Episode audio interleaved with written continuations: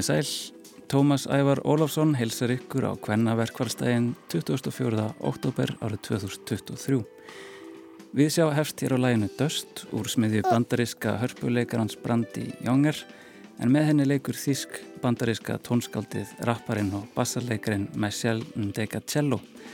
Læði kom út í ár á plötu Brandi Jónger sem nefnist Brand New Life og fær hún fylstu meðmæli viðsjár hér með. En á dasgrá þáttarins í dag á hvenna verkvælstægin Ragnhildur Jónsdóttir, Land næturinnar og þriðja vistfræðin. Við munum heyra í nýjum bókmentarinni þáttar í dag, Sofíu Auði Birgisdóttur, bókmentafræðingi, en hún rínir í nýjustu skáldsög Rittvöndanis Vilborgar Davíðsdóttur sem nefnist Land næturinnar og er framhald af bókinni Undir Yggdrasil sem kom út árið 2020 og fylgdi lífslaupi Þorgerðar Þorsteinsdóttur, barnabarni auðar djúbúku. En um auði hefur Vilborg einnig ritað vinsalan þríleik. Þessum sögulegu skáldsögum Vilborgar hefur verið hampa mikið á undarförnum árum en það þykja þær varpa mikilvægu og nýju ljósi á líf og aðstæður kvenna í fortíðinni. Hildegunur Sveristóttir, arkitekt, verður einni með okkur í þættinum. Að þessu sinni segir hún frá ráðstefnunni The Third Ecology eða þriðja vistfræðin sem haldin var í hörpu í síðustu viku. Þar veldu ræðumenn vöngum yfir því hvað arkitektúr sagfræði gæti lagt til í baráttunni gegn aðstegandi umhverfisvá. Við rifjum líka upp viðtal sem Halla Harðardóttir tók við myndlistamannin Ragnheiði Jónsdóttur fyrir árið síðan þar sem það ræða meðal annars tímamótaverkið Deluxe and Delightful sem sýnir brjóstmynd af konu með marglaga tertu og höfði sínu. En einnig ræða þær upplifun Ragnheiðar af kvennafríteginum árið 1975.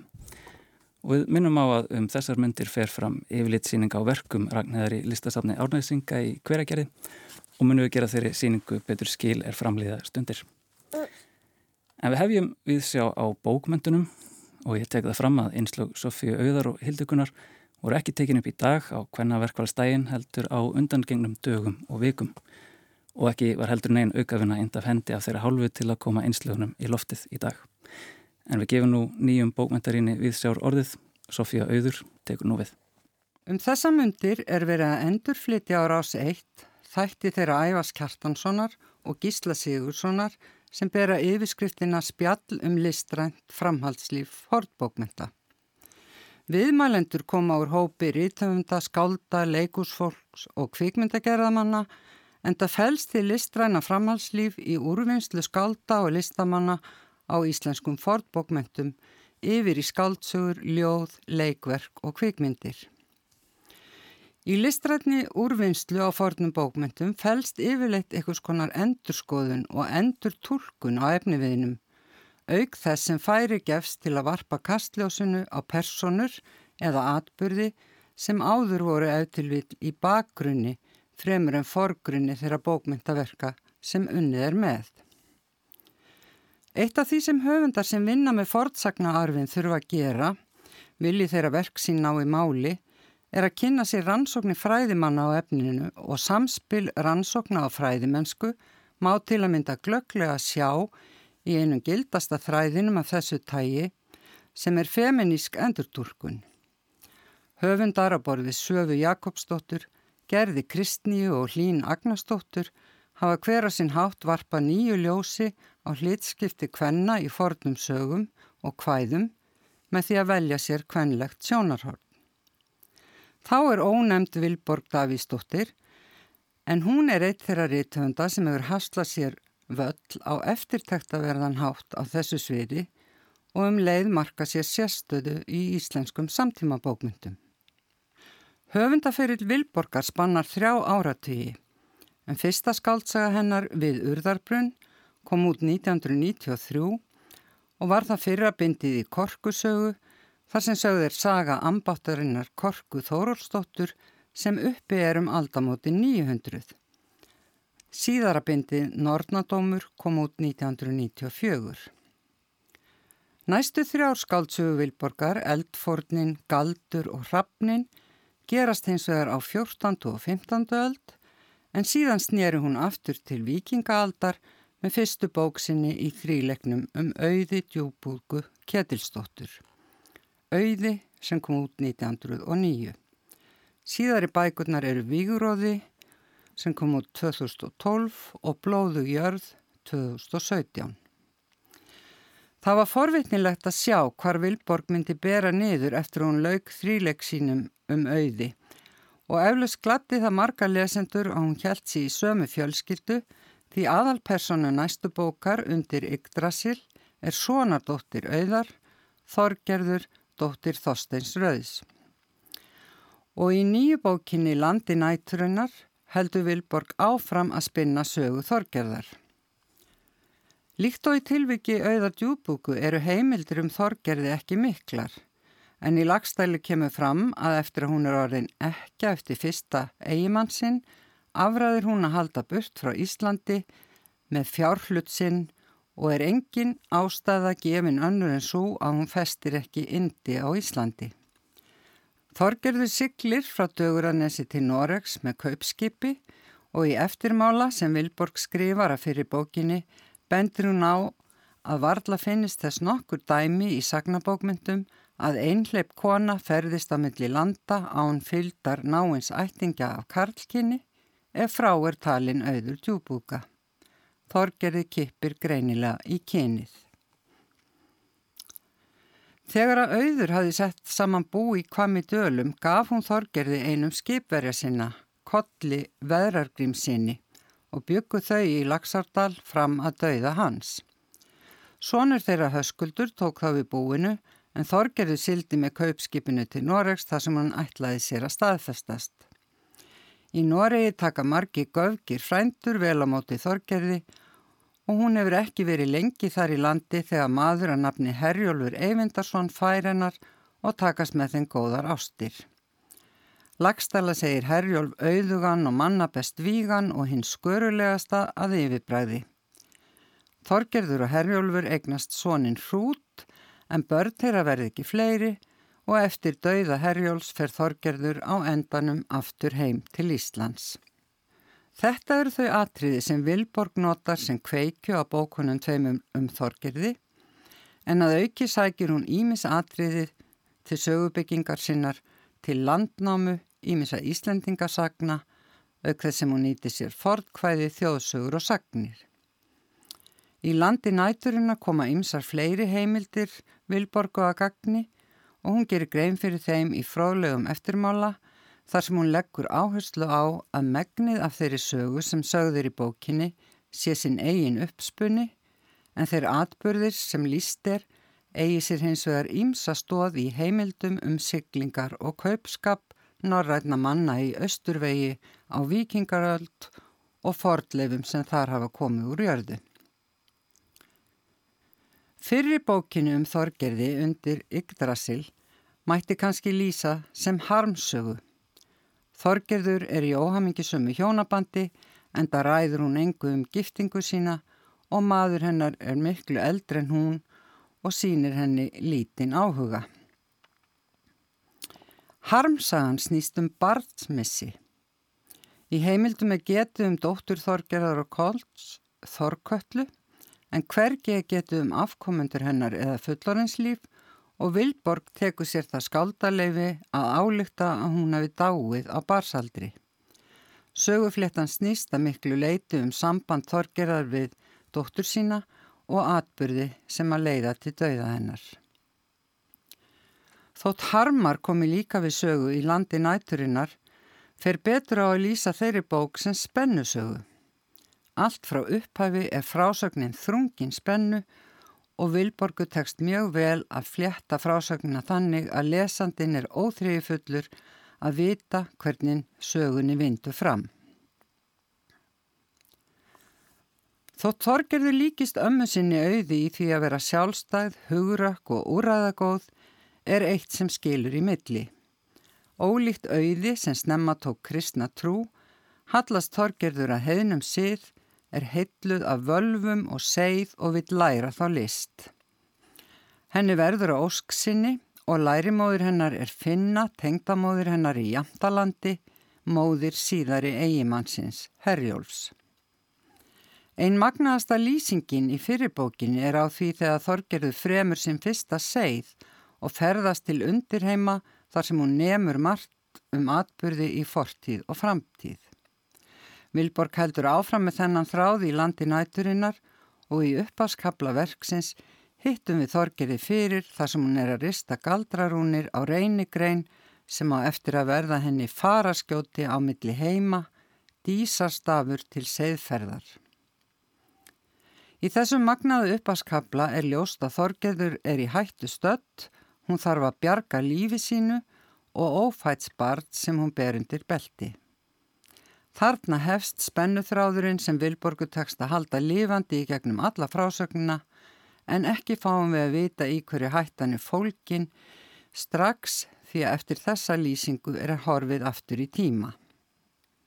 Í fyrsta hlutabókarinnar fylgjumstu með þeim þorgerðu að herjólfi þar sem þau koma með kaupskipi til aldegju í Gardaríki sem er miðstöð vestlunar og viðskipta. Þar ræður ríkum helgi hersir og við komuna eru þau vöruð við prettum hans í viðskiptum. Það er ungur kirjáli sem varar þau við og býðst til að leiðsegja þeim sjálfur til Holmgards þar sem þau geta fengið betra verð fyrir varningsinn, svarðreipi, loðskinn og rostungstennur. Áðurinu þau taka bóði hans vil Herjólu fara á fund hessisins til að heyra skilmála hans og fylgir þorgerður honum á fundin og í gegnum augu hennar fáum við lýsingu á borginni sem yðar á mannlífi. Lýst er fólki sem sinnir allskinn störfum og henni megnu ólíkt sem liggur yfir öllu af mönnum og dýrum. Í lýsinguna á borginni er einni dreyið fram ömurlegt hlutskipti kvenna og þær hættur sem þeim getur stafað af því að borgin er full af kartmönnum. Herjólu varar þorgerði við og bendir á að ógefnar konur eru alla jafna látna vera innandýra í aldegju þeim sjálfum til vendar og að utandýra veri þær að hilja höfuð sitt því ber höfðað kvennfólk og almannafæri í byggðinni vekur aðtegli og ekki af góðu því menn ætla sér frjálst að hafa við slíkar konur kvílubröð í skiptum fyrir gjald. Um slík viðskipti hefur Þorgerður aldrei áður heilt og er furðu slegin. Á göngusinu um borgina veitur hún því aðtegli að konurnar mæta aldrei tillitið hennar. þær ganga álútar og horfa ekki annað en niður fyrir fætur sér. Ömurlegt hlutskipti kvenna, sér í lægi ambáta sem koma mikið við söguþorgerðar, er sem þungur bassatótn í bakgrunni allrar frásagnarinnar í landi næturinnar. Og víða er það einni dreyið fram í forgrunn, enda á þorgerður áður en yfir líkur eftir að reyna það hlutskipti á eigin líkama. Hér verður ekki farið nánar og hann í þann þráð sögunar svo ekki sé spilt þeirri spennu sem æntalegi lesendur bókarinnar eigi vændum. Heldur bara ítrekað að ill meðferð á konum sem hneftar er í ánögð, sviftar öllum sjálfsákverðunarétti, seldar og misnotaðar, er gegnum gangandi stef í bókinni og vekur að sjálfsögðu hugreiningatengsl við mannsal og ofbeldi gegn konum sem enn berast frettir af nú á dögum. Eftir fundin með hersinum ákveða Herjólfur og Þorgerður að taka tilbóði Kirjálans um fylg til Holmgards þar sem þau vænta þess að fá betra tilbóð fyrir vöru sínar. Þau þurfa að sigla upp fljótið Volkhof, það er erfið siglingarleið sem liggur um flúðir og fossa og Þorgerði dreymir illa nóttina áður en haldið er að stað en það reynist um feigðar för að ræða. Í öðrum hluta sögunar koma þau til Hormgars þar sem ráða ríkjum hjónin hræregur og járgerður sem eru engar litrikir karakterar og hættulegir.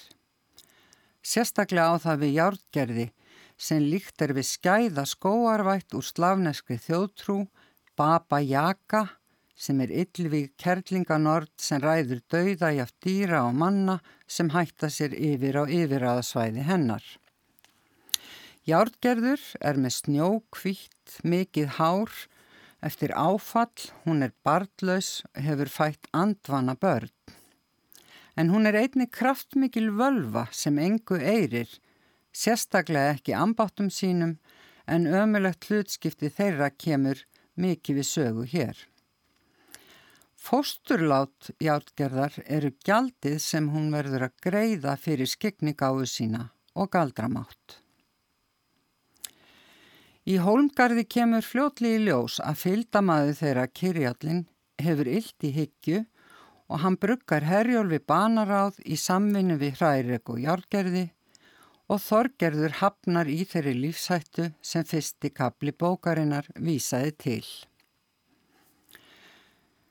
Ég mun ekki rekja sögu þrá bókarinnar frekar, aðeins ítrekka að Vilborg Davísdóttir fletta frásöksina að mikilli fagmennsku og kunnáttu, hún spinnur plott og hlýðarplott að mikilli list og tekst oftar en ekki að koma lesandanum á óvart með óvæntum vendingum. En hvað er það land næturinnar sem titill bókarinnar vísar í? Á blæsið 193 má lesa eftirfarandi. Ambáttirnar kalla austurvegin land næturinnar og á vel við, að minnstakosti eftir að vetraði. Sólri seint og sótsvart myrkur sígur á um miðdegi, snögglega eins og hendi sé veifað. Þó hafði einn þeirra stúlka frá Kúrlandi fyrir því að útskýra heitið fyrir þorgerði á bjagaðri norrænu með öðru móti.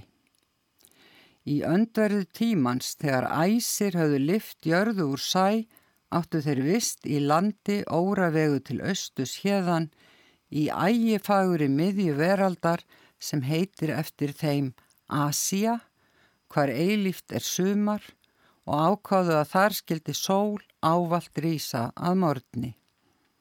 Hestar upphiminn skildu draga þaðan í vagnni, nótt og són hennar dag til vestus þar sem sólinn skildi nýga til viðar hvert kvöld. Hér væri því land næturinnar, Evrópa á tungu goða og jötna.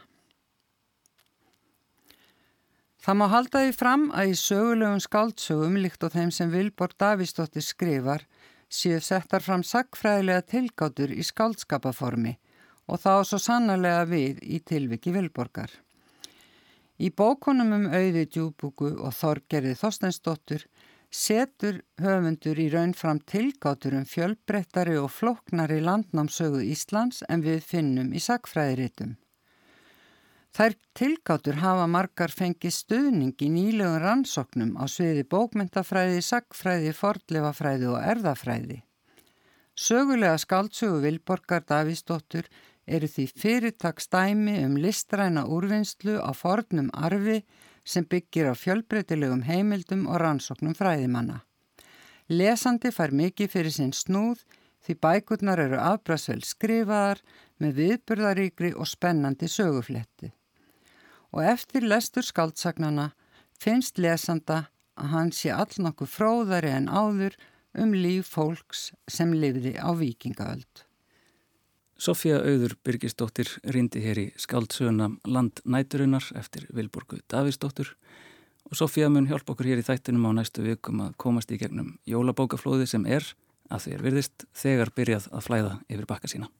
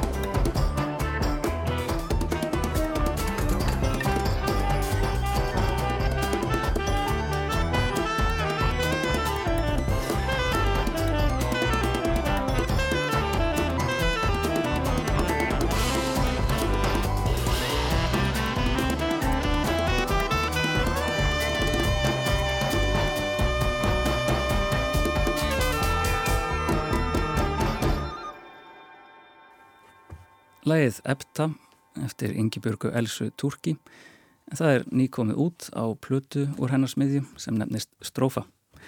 Og hér næst rifjum við upp árskamalt viðtal höllu Harðardóttur við Ragnheiði Jónsdóttur, myndlistamann, Ragnhildur er fætt í Reykjavík árið 1933 og fagnar 90 ára ammali í ár en um þessar myndir stendur opinn yfirleitt síningin Kosmos Kaos á verkum hennar í listasafni Árnesinga í hveragerði. Ragnhildur ólst upp í Þykvabæ en stundaði síðar nám við Veslunaskólan og Handiðaskólan í Reykjavík. Eftir nám starfaði Ragnhildur á skrifstofu Reyvils en satt einnig tíma við myndlistaskólan í Ásmundarsal. Síðar átti hún eftir að nema myndlist í Kaupmannahöfn og París. Ragnhildur prófaði sig áfram með óljuliti og keramík en vendipunktur varð á hennar ferli þegar hún uppgötaði grafíkina. Hún hjælt sína fyrstu síningu á grafíkverkum árið 1970 í Unuhúsi og það var einmitt á sjönda áratögnum á tímum rauðsokkana sem Ragnhildur fann sína rött. Sko uppalega byrjaði 17 ára, það liði 20 ár, þanga til ég fór til Parísar og gæt farið að sinna í raun og sjálfur mér og þá gæt ég sitt myndlistinni. Þetta var alveg reynd sko það sem að breytti öllu hjá mér í sambandi við myndlistina.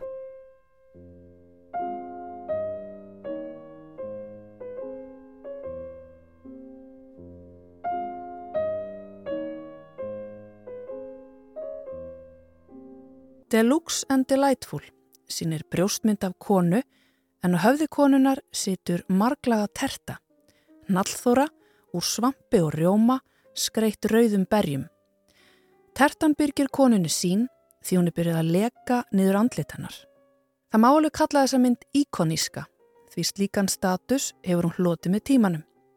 Táknmynd fyrir hugarheim kvenna í annari bylgu feminismans, kvenna sem vildu komast út af heimilinu og inn á vinnumarkaðin.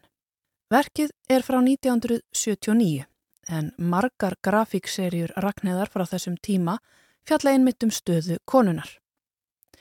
Myndmálið er stert og hefur almenna skýrskotun, einfalt á yfirborðinu með auðlestum táknum en þau vísa í marglaga veruleika og jafnvel undirvitund listakonunar.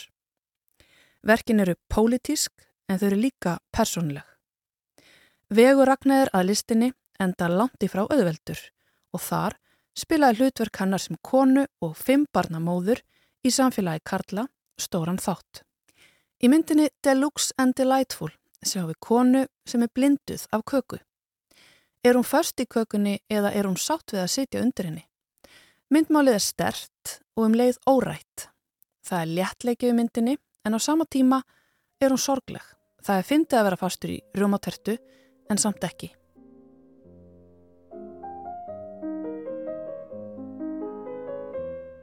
Ég ringdi í Ragnæði og spurði hvort við getum hist og spjallað um þetta verk. Úr hvaða samhengi sprettur það, hver var aðdraðandin og hvar var listakonan stött á sínum ferli. Ragnæður tók vel í þessa bón og bauð mér í kaffi stuttu síðar. Þegar ég rendi í hlaðið við hennar einstaka hús við raunnið í Garðabænum tók fjárhundurinn Kata á móti mér. Húsið teiknaði Högna Sigurðardóttir fyrir þau hjónin en Högna var frænka Hafsteins, eiginmanns Ragnæðar.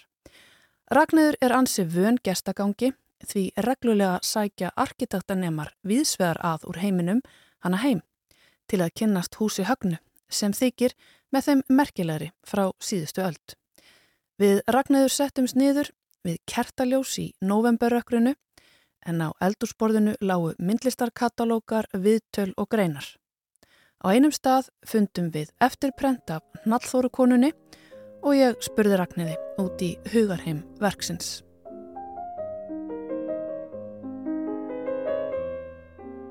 Aðdraðandin að þessu var sá að áður heldur en stóra bylgin kom hérna, hvenna frítagurinn, þá hlustaði ég mikið á útvarp þegar ég var að vinna hérna heim fram á minnustofn og þá voru rauðsokkunar byrjaðar með þætti og, og sem var snérst náttúrulega um konur. Og ég hlustaði full áhuga. Og þar til dæmis töluðum það að íslenska konur væri allt og mikið inn á heimilum. Þær þyrtu að menta sig meira. Þær þyrtu að fara meira út í atvinnulífið og vera uh, meiri þáttakendur í semst sjóðlífinu almennt. Eru húsmæður í líferi sjóði? Hvað er móður ást? Hefur föður ástin ekki tilveru rétt? Hvaða tengsl eru millir hjúskaparstöðu og lífstarfs? Hverjir alveg upp konur? Hvaða viðhorf ráða starfsvali ungra stúlku? En það sem að fór í skapið á mér, það var það að mér fannst að tala niður til heimavinnandi húsmæra. Þar varu forbókaðar, þar varu illamentaðar og það fylgist ekki með. Og þetta særði mig og ég var svolítið bara reið og ég held að uh, það, það hafi, þetta, þessi þætti kveiktum ég í, svona, ég veldi hlutunum ekki fyrir mér. Í sambandi við mína stöðu, frem að þessu þá var ég afskaplega ánað, ég var nýbúin að fá vinnu aðstöðu hérna heima hjá mér þannig ég þurfti ekki að fara neitt í burtu til að vinna. Og, og ég var afskaplega ánað með mitt hlutskipti, ég gæti synd börnarnum mínum og, og myndlistinni samtímis. Mm -hmm. og nýtt tíman vel því að það er frábært að hafa vinnustofu heima þá getur maður, ef maður vaknar á nóttinni mm. fer maður bara frá vinnustofu og hefur það skemmtilegt. Í alvöru. Og svo gerist þetta að það, það er mikil gerjun sambandi við hvem fólkið og það er allt í hennu bóða til þessa fundar á Lækjartorki og ég var svolítið sein fyrir þannig ég hafði ekki tækifæri til að ringja í einhverja vinkonu og vera samverða, ég fór bara einn og ég náði mér í góðan stað utan á gyrðingunni í kringum stjórnaráðið þannig maður gæti staðu upp á einhverju svona stiftri brún, ég sá svolítið betur. Mm. og þá blast, blastu við rauðsókunar að syngja á hans stelpur.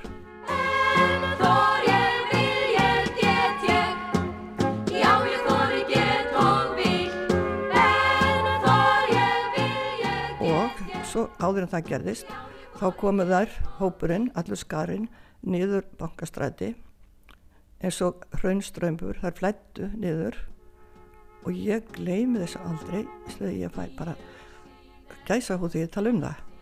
Ég fann að þetta var mér fannst þetta að vera bilding og þetta einhvern veginn hafði svo sterk áhrif þetta voru allt konur, konur, konur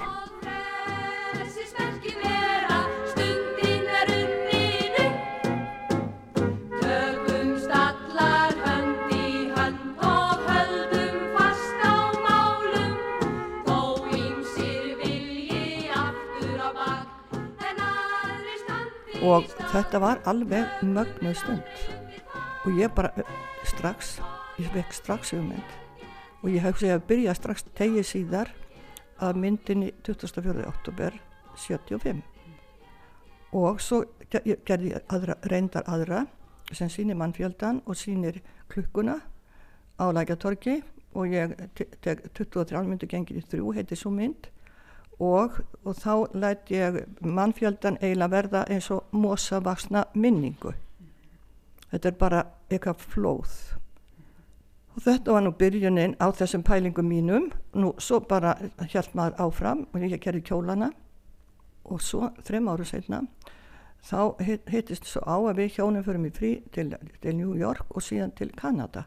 Og, og, og vorum að heimsækja þar eh, skildmenni og í gegnum það var maður sem var hérna, frendi massins mín hann tók á mót okkur og þennan tíma sem við vorum þá vorum við að hitta hans kunningja og hann var að sína okkur umhverfið.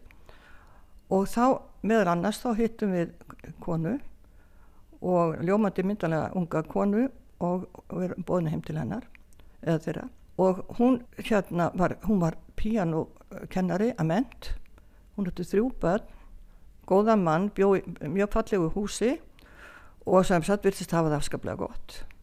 Svo erum við einar þarna einn daginn, smá stund, ég er heima hjá henni og þá kemur hún með bunga af albúmum að sína mér og ég held hún alltaf að vera að sína myndir af börnunum og maður fólk gerir oft. Nei, það voru kökunar hennar. Hún talaði ekki um neitt annaði kökur allan tíman. Þegar við fórum út að borða þá heyrðum maður, já, my cakes, my cakes og mér fannst konan bara mjög stór skvitin og þegar ég kvart hana þá sá ég tertuna á höfðin á henni. Þannig kom þessi hugmynd. Ég gati ekki glemt henni og þegar ég kom heim þá fór ég að byrja því á þessari mynd. En ég setti sjálfa mig undir kökuna því að, að hérna hún, sko þetta er, hún er svo tvírað þessi mynd. Þér finnst hún kannski fyrst brosleg svo var hún daburleg svo var hún aftur brosleg veist ekki alveg þannig að uh, mér fannst bara þetta henda og ég hef oft gert það, ég stilli sjálf ef, ef ég uh, sé eitthvað sem ég finnst sérstakt þá stilli ég sjálfur mér inn í þetta hvernig myndi mér hvernig myndi ég bregðast við þessum kringustæðum hvernig myndi mér líða? Skilu, hvernig myndi ég upplifa þetta? Mm -hmm. og þannig verða verða marga myndina til. Mm -hmm. að ég sé eitthvað og ég losna ekki við að ég er alltaf að hugsa um það. Og svo er allt í henni sett ég sjálfa mig inn í þetta og reyni að tjá svona hvernig hvernig þetta virkar fyrir mig. En þessi kona Nallþóru konan hún er hluti af serju, svo vikar þetta út. Svo spann ég út frá þessu og þá fyrir ég að hugsa um stöðu hvenna allar þessar misnótkun frá því ég var krakki. Það var reyndar ekki þegar ég var, ekki þegar ég var lítil heldur unglingur þá fyrst heyrðum að tala um misnótkun og hvernig bara væri farið ræðilega með konur og ekki batnar það og ekki batnar það. Þannig að ég gerði þessar tvær til viðbótar. Spann bara út frá þessari sem var, var raunverulega fannst mér og svo fór ég bara að setja þetta í aðra kringustæður þannig, þannig voru þær til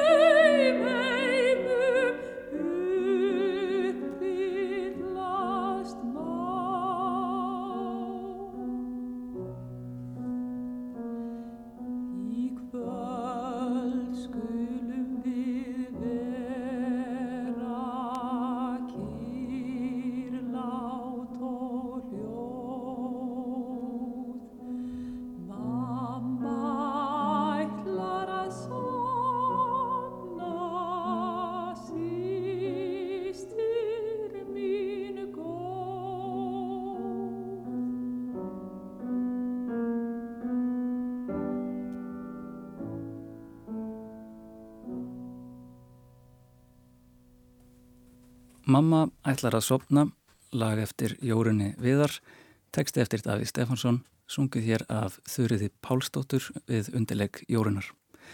Þar á undan rætti Halla við Ragnheiði Jónsdóttur um upplifanir hennar af kvennafrídeginum og verkið Deluxe and Delightful, en samtali þeirra var fyrst varpað út hér á rásinni haustið 2022.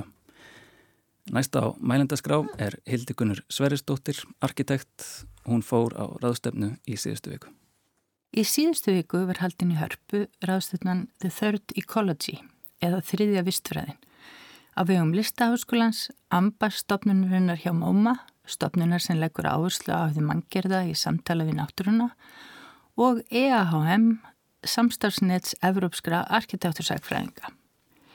Viðfóngsefni ráðstöðnunar var hvað arkitektursækfræði gæti lagt til baráttunar gegn aðstæðandi umhverfisvangur. Áherslan var á manneldina svonendu á ennskuði anthróposín og sér í lagi hvernig arkitektur og skipulag hefur á síðasta skeiði hennar verið beitt. Byggingriðinaðurinn er uppspretta 40-100 sluta fyrir gróðurhúsaloftegunda sem óknu heiminum og gerir því arkitektur eitt mest mengandi þátt í sögum mangins. Gríðaleg hröðun þessara áhrifa hefur verið frá innbyltingu og ekki síst frá nýlendu tímabilinu til dagsins í dag. Sjálfstæði nýlendana og endurskoðun þeirra á eigin samengi eru kvatar til að gera umhverfspjöll að rannsóknarefni sem og hérna samöfnum sögu ójöfnuðar og kynþáttatengra mismununar. Arkitektурsagan þarf að varpa nýju ljósi á tímabil stórfældra væringa og hvernig arkitektur og skipulag hafi verið áhrifavaldar í samfélagslegu og umhverfislegu skemtarstarfi. Á fyrirluta 20. aldar var mótinismi áhrifamikill í þessu samengi og svo hinn kapitalíski veruleiki sem við nú búum í. 20. stöldin hefur vissulega verið tími gríðalegra teknithróunar en einn fjölbreytu erindir ástöfnunar lísti því hvernig arðrán og eigðilegging vistkerfa og samfélaga hefur verið eina forsendum þessara þróunar. Á ráðstöfninu voru flutt um 50 erindi og var hún opnuð með framsögu erindi allsíska arkitektsins, kennarans og sagfræðingsins Samja Henni. Henni beindi sjónum sínum að því sem hún kallar eitraða nýlendustjórn. Henni beitir sagfræði sem aktivisma til að kungera hörmungar. Heimaland hennar Allsýr var frönsk nýlenda frá 1830 til 1962. Henni hugðist rannsaka prófanir frakka á geyslavirkum efnum í Eðimerkulandi Alsís en kom að lokuðum dýrum í skjálasafni franska hersins. Þar sem rannsóknarefnið var henni mikilvægt beitti hún óhaupundum aðferðum við rannsóknina á því óhreinsaða geyslavirka svæði sem herinn skildi eftir sig. Henni tók viðtölu hýrðingja vegna veikinda þeirra í kjölfar geyslavirkni. Hún notaði ekki kort, gamlar myndir úr safni franska hersins, þær fáu skýrslur sem hún þókat náði stillur úr kvikmyndum og gerfinatamindir. Í gegnum skapandi aðferðafræði tókst henn að draga upp mynd af skipilöðu yngripi í og misbyttingu frakka á landsvæðinu og íbúðum þess. Hefðbundin aðferð til að miðla rannsókninni hefði verið í fræðilegu greina eða bókaformi sem hefði þá sennilega aðeins náð til örfar að kollega. Hún vildi miðla efninu til starra samfélags og kalla frakka til ábyrðar. Það hún með síningahaldi og síningaskrá með öllu samansöfnuð efni sem dreift var til almennings og rítifunda, bladamanna og aðgerra sinna í von um frekari útbreyðslu. Með þessari frásögn í framsögu erendinu sló henni í tónin fyrir fjölbreyttar aðstöfnu þar sem sögurskoðunin eins og þeir ansóknum henni var gerðan með persónulegum útgangspunkti og afbyði hið oft gaggrinnislausa og viðtekna í stórsögunni. Erindir ástöfnunar miðluðu áhlaupum hins vestræna menningarheims á auðlindaríkar en innan gæsalappa minna þróaðar þjóðir sem að hafa haft nattrænar afliðingar og hafa enn. Til dæmis voru varpa ljósi á nýja tegund landnáms í síhittnandi veðufari, landnámi kulda. Kuldi og kæling er orðin forréttundavara. Nýjar borgir rýsa til dæmis í Östurlöndum nær og fjær, þar sem yfirgengilegur stjætta og kynþátt ójöfnuður ríkir, þar sem þeir ríku njóta loftkælingar í krafti grænþvegina vistgæða og lágst löfnusbors á pappir sem fjármögnuð er um óljusölu en fólk af lægri stjættum nýtur ekki. Arkitektursakfræði býr yfir því valdi að breyta sjónarhörninu frá sögu hinn að valda miklu um stórhísi og vestræna borgathróun yfir í að skoða hvernig arkitektur og skipulag voru tól til misbeitingar og til ratta þeirra sem fyrir voru og guldu fyrir uppgangin. En líka hvernig skipulag og arkitektur getur verið pólitist afl kakvert er í fjöldættu vá sem heimurinn stendur framifyrir. Nokkur erindana tóku upp þráð henni um ólíkar aðferði nýlindaherra til auðlindaráns í Eðimerkulandi, efnaprófana og gríðastóra sára og spóra á landi og innviðum og einnig um nýbyggingar og mannabústaði nýlindaherrana, máttverna átöku framandi náttúruöfl og hunsun staðbendinar þekkingar. Í Ameríku rutust vestræni menn inn á svæði frumbyggja sem lifa höfðu í samlendi við náttúruna öldum saman en var tilkynnt eitt daginn að landera væri í eign bresku krúnunar og nú ætti að leggja þar lagnamannvirki í hennar nafni til að sækja jargas. Nýjar byggingar og bæir sprutu upp og kynþáttabundin stjættaskipning byrtist í geðameiri hýbúlum krúnumanna og ömulegum húsakosti þeirra sem fyrir voru og voru nú orðin vinnu því og fjölmörg erindana voru á þessum nótum. svipu saga, önnur alfa, auðlinda og landnám, menning kæfð oft undir þeim formörkjum að bjarga frumbyggjum frá einu vangetu og við landtökuna koma skipulag og nýbyggingar yðurlega við sögu. Sjálfbyrgingslegur hégumi nýlenduherrana byrtist að móti líka í upphafningu landvinninga heimafyrir, til dæmis í metnaðar fullri hönnum gróðarhúsa, glerjaðara visthylkja fyrir ananas frá Jamaica sem stilt er upp í Englandi til margs um yfirburði veldisins við beistla heiminn. En það er ekki bara nýlendu tímanum sjálfum sem vestræðanar þjóðir hafa gert miska í umhverfislegu sjónamiði.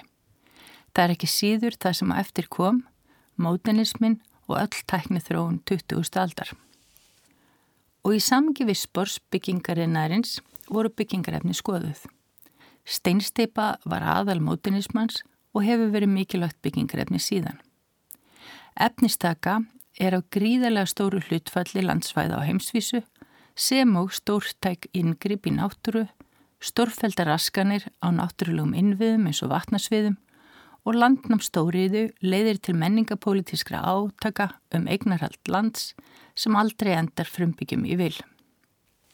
Ímisni byggingarefni voru þróuð í rannsóknustofum og þar byrtist ekki síður landnám kapitalisma og veik staða lagri stjætta heimafyrir.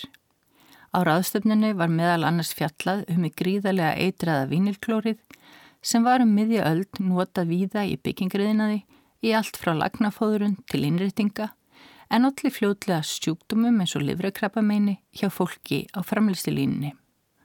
Því var skólað út í vatn og seittlaði þaðan inn í lífriki staðana og hafði til dæmis alvarleg áhrif á frjósemi manna og dýra. Daniel Barber, profesor og sviðsforseti í tækniháskólanum í Sydney, átti síðasta erendið á ráðstöfnunni. Hann vitnaði í indverska rítumundin Aron Tati Rói sem skrifaði á COVID-tímum að ekkert gæti verið verra en að falla aftur í sitt gamla form og nota ekki það hlið möguleika sem opnaðist í heimsvaraldrinum til að endur hugsa heiminn. Það hlið hefur nú lokast eða er allavega aðlokast sangkvæmt barber sem bendi þó á einu hurðina sem fundin hefur verið upp í gegnum mótinismann, ringurðina. Hún er alltaf lokuð en þó alltaf opinn og er kannski hlið möguleikana. Barber telur að við sem bundin í ákveðin ómöguleika Því það er auðveldara að ímynda sér heimsenda en endalók kapitalisma. Og við skinnjum þið óumflíðlega það sem ekki er orðið en hefur samt áhrif nú þegar. Við þurfum að takast á við lofslagsbreytingar sem eru einning lofslags ójöfnöður með vísan í þá skiptingu auðs og auðlinda og aðgengis að þeim sem býr í heiminum. Arkitektursakfræðingar geti hjálpað til en hinga til hafa þeir mest hugsað til fortíðar og nútíðar. Það sé afar mikilvægt að sagan sér ansökuð og henni beint til framtíðar. Kjarninni skilabóðum Daniels Barber er að við séum að reyna okkar allra besta til að breðast við ógn með leiðum sem við höfum enn ekki fundið. Það sé erfið staða. Hvernig getur arkitektursagan móta þekkingu sem leiðir af sér annars konar framtíð? Kvartning Barbers er að velja meðvitað það sem raunverulega er mikilvægt að rannsaka. Í kalli eftir fyrirlesturum á ráðstöfnuna er vísað í hugmynd arkitektana Serge Tjermajev og Alexander Tsonium frá 1971 um þriðju vistfræðina The Third Ecology. Mér langar hins vegar að vísa í franska hugsuðin Felix Guattari til að enda þessa litlu samantækt af stóri ráðstöfnu um mikilvægt efni þar sem hugmyndir hans endur speikla vel ráðstöfnuna í heild, allt frá fyrsta erindi til þess síðasta. Guattari skrifaði einmitt árið 1980 bók sem heitir Litrósegologi eða hinn þrýr þættir vistfræði.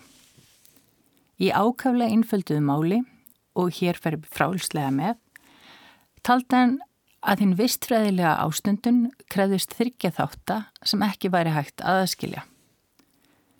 Fyrsti þáttur er umhverfislegur, hinn hefðbundna fræðilega vistfræði.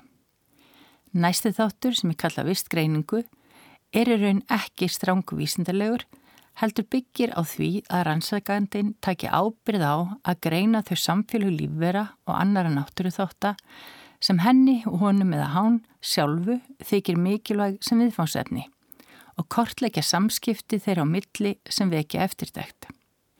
Í þriðja lagi má tala um vist vitund. Það er þekkingu, afstöðu og ásetning hverjar mannesku gagvart umhverjunu. Því má segja að ef arkitektursakfræðingur tekur áskorun barber og tekur spurningar sínar alvarlega og af personulegri ástriðu, skilgreinir út frá eigin spurningu þau kerfi eða samfélag lífveðra og umhverjastáta sem raunverulega er verðt að skoða og setur í samingi við þær fræðilegu kenningar sem fyrir líkja, þá sé hægt að finna aðkallandi og markverð sjónarhörn sem skila sér inn í vistfræðilega þekkingu og vonandi um leið til aðgerða og þar með til nýrar framtíðar. Sagði Hildegunur Sveristóttir um ráðstöfnuna The Third Ecology eða þriðju vistfræðina sem fór fram í hörpu í síðustu viku. En það er komið að lókum þáttar í dag. Tómas Ævar Ólafsson þakka fyrir sig og dóttir hans Eiborg líka. Tæknumæður í útsendingu var Mark Eldredd. Við sjá verður hér á sama tíma morgun og hinn auðvitað og alltaf í spilara rúf. Við skulum leifa Gíðu Valdísdóttur og Ólefu Arnalds að slá botni í Kvenna verkfalls viðsjá með læginu Safe to Love sem kom út á plötu Gíðu Epicycle 2 árið 2020.